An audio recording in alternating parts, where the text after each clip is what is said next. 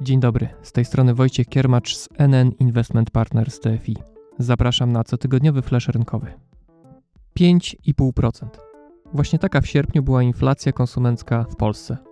Pełne dane Głównego Urzędu Statystycznego przebiły szybki szacunek, o którym tydzień temu mówił Paweł Sadowski. Gdzie ceny rosną najszybciej? Paliwa do naszych samochodów, noclegi w hotelach, gaz i energia elektryczna w naszych domach, no i żywność. W tym szczególności pieczywo, warzywa czy drób. Ceny tego ostatniego wzrosły w przeciągu roku aż o prawie 25%. Wyraźnie powyżej 5% w ostatnim roku wzrosły również koszty wszelkiego rodzaju usług, w tym e, dentystów, lekarzy specjalistów czy fachowców od remontów. Jakby nie patrzeć i jakby nie liczyć, inflacja jest wyższa niż by życzył sobie tego Narodowy Bank Polski. Bo nawet jeśli wyłączyć z wyliczeń ceny żywności i energii, to wyniosłaby ona w sierpniu 3,9% rok do roku. A to i tak wyraźnie wyżej niż wynoszą górne widełki dopuszczalnego odchylenia inflacji wobec celu NBP.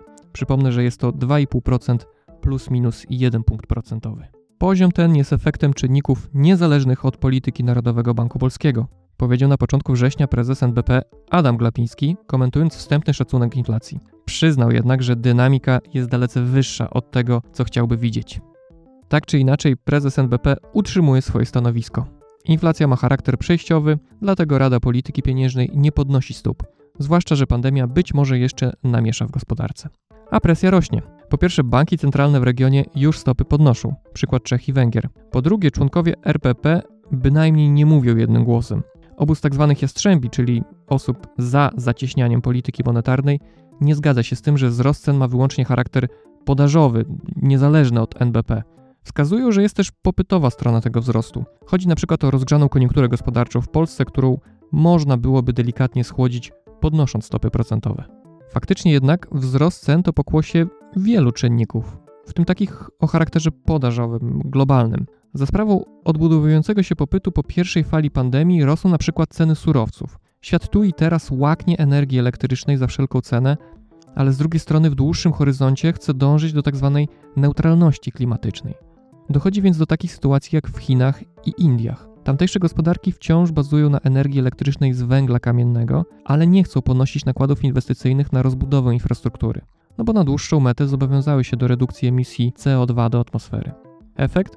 Ceny kontraktów futures na węgiel energetyczny wzrosły w tym roku już ponad dwukrotnie. Rosną również ceny żywności.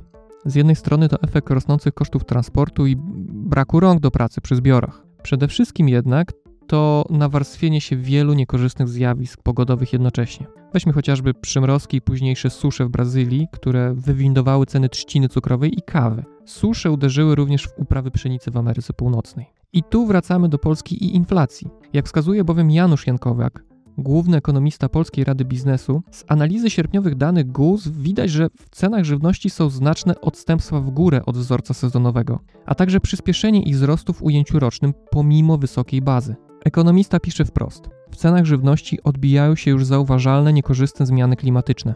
I jego zdaniem jest to zjawisko permanentne, a nie przejściowe.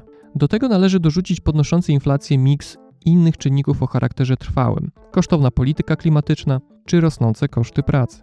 Zdaniem Jankowiaka podwyższona inflacja nie jest przejściowa i musimy przyzwyczaić się do jej dynamiki na poziomie 4 do 6% rok do roku. To nie jest dobra informacja dla tych, co odkładają pieniądze wyłącznie za pośrednictwem lokat i rachunków oszczędnościowych. No i coraz więcej osób próbuje coś z tym zrobić. Wysoka inflacja i niskie stopy procentowe skutkują rekordowym popytem na mieszkania, wysoką sprzedażą obligacji detalicznych, a także napływami na rynek funduszy inwestycyjnych. Przez pierwsze 8 miesięcy tego roku bilans sprzedaży krajowych funduszy przekroczył 19 miliardów złotych. Co znamienne, większość nowych środków zasiliła fundusze o wyższym poziomie ryzyka, ale i większej potencjalnej możliwości zysku. Chodzi o fundusze mieszane, akcji, surowców czy absolutnej stopy zwrotu. W przypadku NN Investment Partners TFI, oprócz dwóch funduszy dłużnych, największym zainteresowaniem inwestorów dotychczas w tym roku cieszą się NN Indeks Surowców, fundusze cyklu życia Perspektywa czy NN Stabilnego Wzrostu. Ponad 100 milionów złotych netto dotychczas pozyskał również NN Globalny Długu Korporacyjnego oraz NN Globalny Odpowiedzialnego Inwestowania. To wszystko w dzisiejszym flaszu rynkowym. Do usłyszenia za tydzień.